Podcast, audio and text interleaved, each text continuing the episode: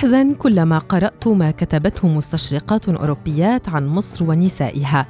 شيماء اليوسف.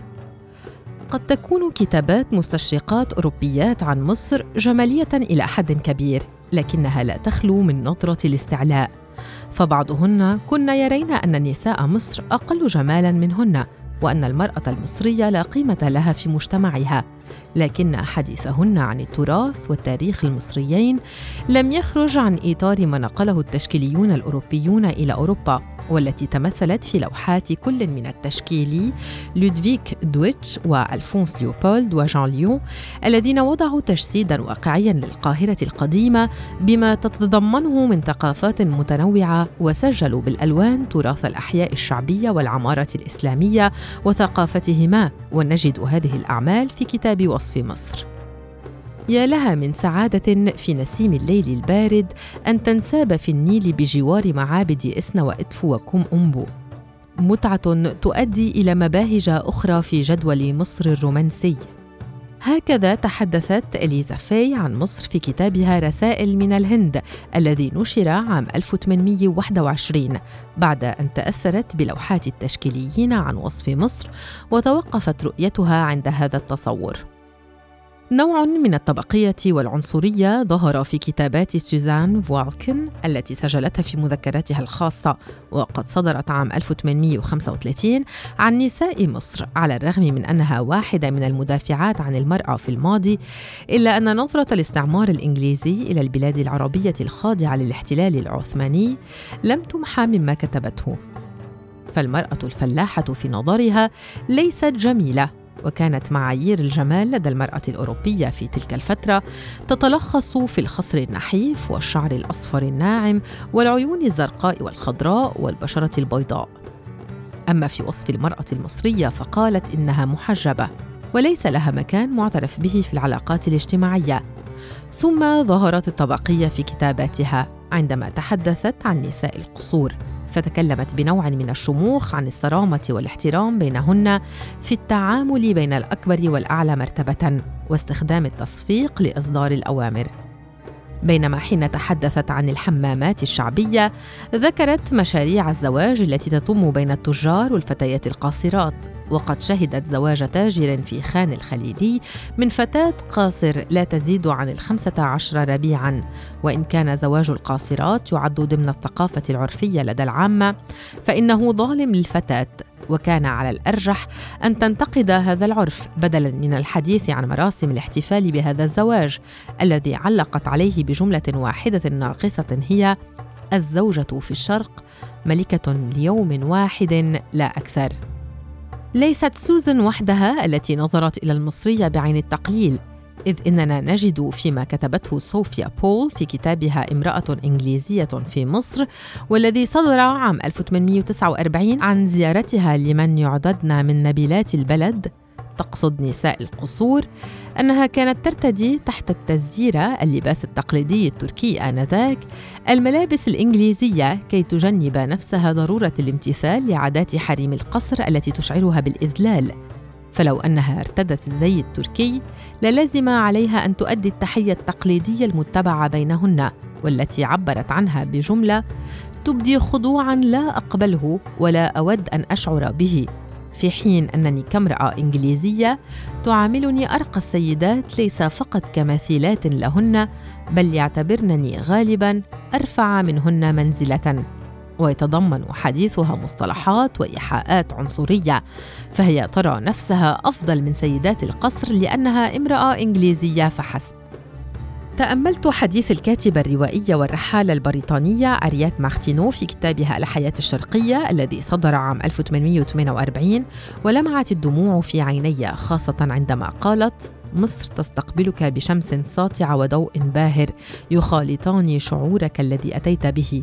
فإذا بها جميعا تشكل انطباعك الأول الذي قل أن يتشابه فيه اثنان. ربما لم يتغير ازدحام شوارع القاهرة الذي لفت أنظار هاريات من تلك الفترة إلى يومنا هذا.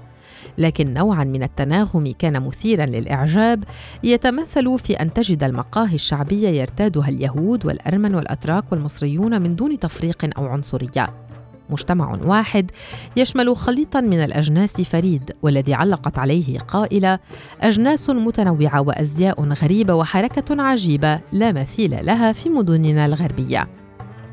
كان سوق الغورية أبرز الأسواق التي سرقت أنظار هريات إذ راقبت فيه بائعي المنسوجات الحريرية الدمشقية والهندية والفارسية ثم خطفتها أسواق العطور ومياه الورد. قد تكون هذه الأماكن محتفظة بعبقها التاريخي حتى الآن إلا الأسبلة العامة التي كانت تبنى لمد السكان بالمياه. وقد برزت في كتاب هاريات إذ قالت تكاد الأسبلة تزدان بها كل مرافق الطرق في المدينة وهي غاية في الجمال والرقة وتبرز أناقة عمارتها في ثراء تفاصيلها وفخامتها. لم تنتهي الرحلة بعد. بل ربما ستبدأ من جديد مع حديث السيدة حاملة المصباح أو الممرضة الأولى فلورنس ناتنجيل المرأة البريطانية التي وضعت أسس مهنة التمريض وقواعدها. وجاءت في زيارة إلى مصر عام 1849 وقد دونت ما شاهدته خلال رحلتها في كتاب رسائل من مصر. كانت الإسكندرية أولى المدن التي زارتها وشاهدت الزحف الأوروبي على ملامحها وتأثرت بمظهر ازدحام الشوارع بالراهبات وتنوع اللغات والجنسيات. بعد وصولها إلى القاهرة تأثرت بهذه المدينة التاريخية وقالت عنها إنها أجمل مكان على وجه الأرض لكنها انتقدت النمط الأوروبي الذي سيطر على مصر في بعض المظاهر.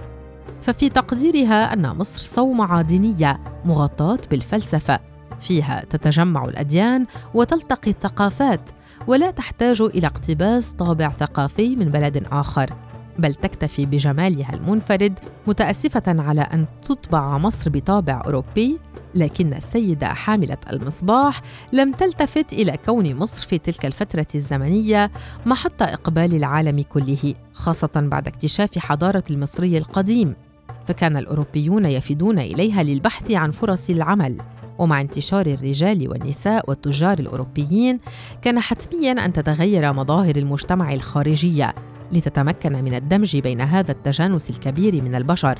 وفي تقديري هذا أمر طبيعي لكن المظهر الأوروبي لا يعبر عن مصر الحقيقية فهو في نظري ثقافة مكتسبة وليس ثقافة نابعة من البلد نفسه.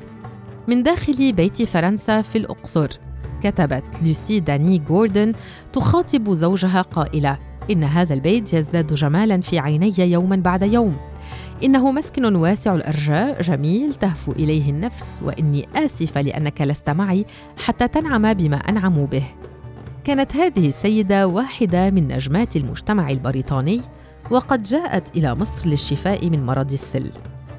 أعجبت بتقدير عموم المصريين لإله الشمس الملك أمون رع وتقديسهم إياه وتعجبت من طواف المصريات بالتماثيل الفرعونية عشما في إنجاب الأطفال. وربطت بين احتفالات مريدي الشيخ أبي الحجاج إذ يحمل مريدوه على أكتافهم الكسوة الخضراء التي صنعت خصيصا لضريحه ولمواكب الفراعنة وعلقت قائلة يخيل إلي أن الموكب ينبعث من معبد الكرنك إلى معبد الأقصر مثل ما كان يحدث في الأزمنة القديمة مع فارق أن الفراعنة كانوا في ذروة أبهتهم وجلالتهم. ويوحي رأيها هذا بأن مواكب الصوفية والأضرحة أقل فخامة من أضرحة الفراعنة واحتفالاتها. تحت عنوان رحلة في مصر نقلت الرحالة البريطانية ميز كاري جولاتها داخل مصر في عام 1863 وراق لها تعدد الأجناس التي شهدتها الشوارع المصرية. كانت رحلتها في عهد بناء محمد علي لمصر الحديثة. وعلى الرغم من أننا نجد الكثيرين يتغنون بالأعمال التي قدمها هذا الرجل إلا أنها لم ترى ذلك في مدينة الإسكندرية تحديداً وكتبت عنها تقول لن تستعيد هذه المدينة التاريخية مجدها وعظمتها التي كانت عليها في عصور البطالمة والرومان. وكأن المجد مقتصر على الرومان والبطالمة فحسب. وقد غضت عينها عن مساوئ الرومان في مصر وما فعلوه بالمصريين قديما مثل الاضطهاد الذي تعرض له الأقباط المصريون وتمييز الرومانيين واليهود عن بقية المواطنين. لقد تعامل الرومان والبطالمة مع مصر على أنها مستعمرة ليس إلا. ولقد أخمد الرومان ثورة المصريين في طيبة وفرضوا حكم الإعدام على كل مصري يحمل سلاحا. وفي رأيي أن الرومان والبطالمة وحتى المسلمين العرب قد دخلوا مصر غزاة مستعمرين وليس معمرين. ورأت كاري أن بقاء المقابر والمعابد حتى أديرة الآلهة قائمة حتى اليوم سببه اهتمام المصريين القدماء وأحفادهم بالآلهة أكثر من اهتمامهم بأنفسهم وبمساكنهم إذ صنعوا مساكنهم من الطوب الهش وصنعوا مقابر الموتى من الأحجار. هذه نظرة قاصرة فالمصري القديم كان يعتقد بوجود حياة بعد الموت لذلك اهتم بحياته الأخرى التي كان يؤمن بها وصنع مقابره على شكل قصور ووضع فيها حتى الطعام. ينتابني شعور بالبكاء كلما قرأت هذه الكتابات لأنني أنظر كيف كانت مصر قديما وما آلت إليه اليوم. ففي حين كان الأوروبيون يتغنون بمصر ويفيدون إليها من كل حدب وصوب أرى اليوم الكثير من الشباب يدفعون أرواحهم ثمنا للهرب منها باتجاه أوروبا. أصبحت أخجل من نظرة الأوروبيين إلينا كبلد نام متكاسل لا يتقدم ويتراجع كل يوم فكريا ولا أعرف إلى من أوجه لومي وعتابي لكني أنتظر الأمل.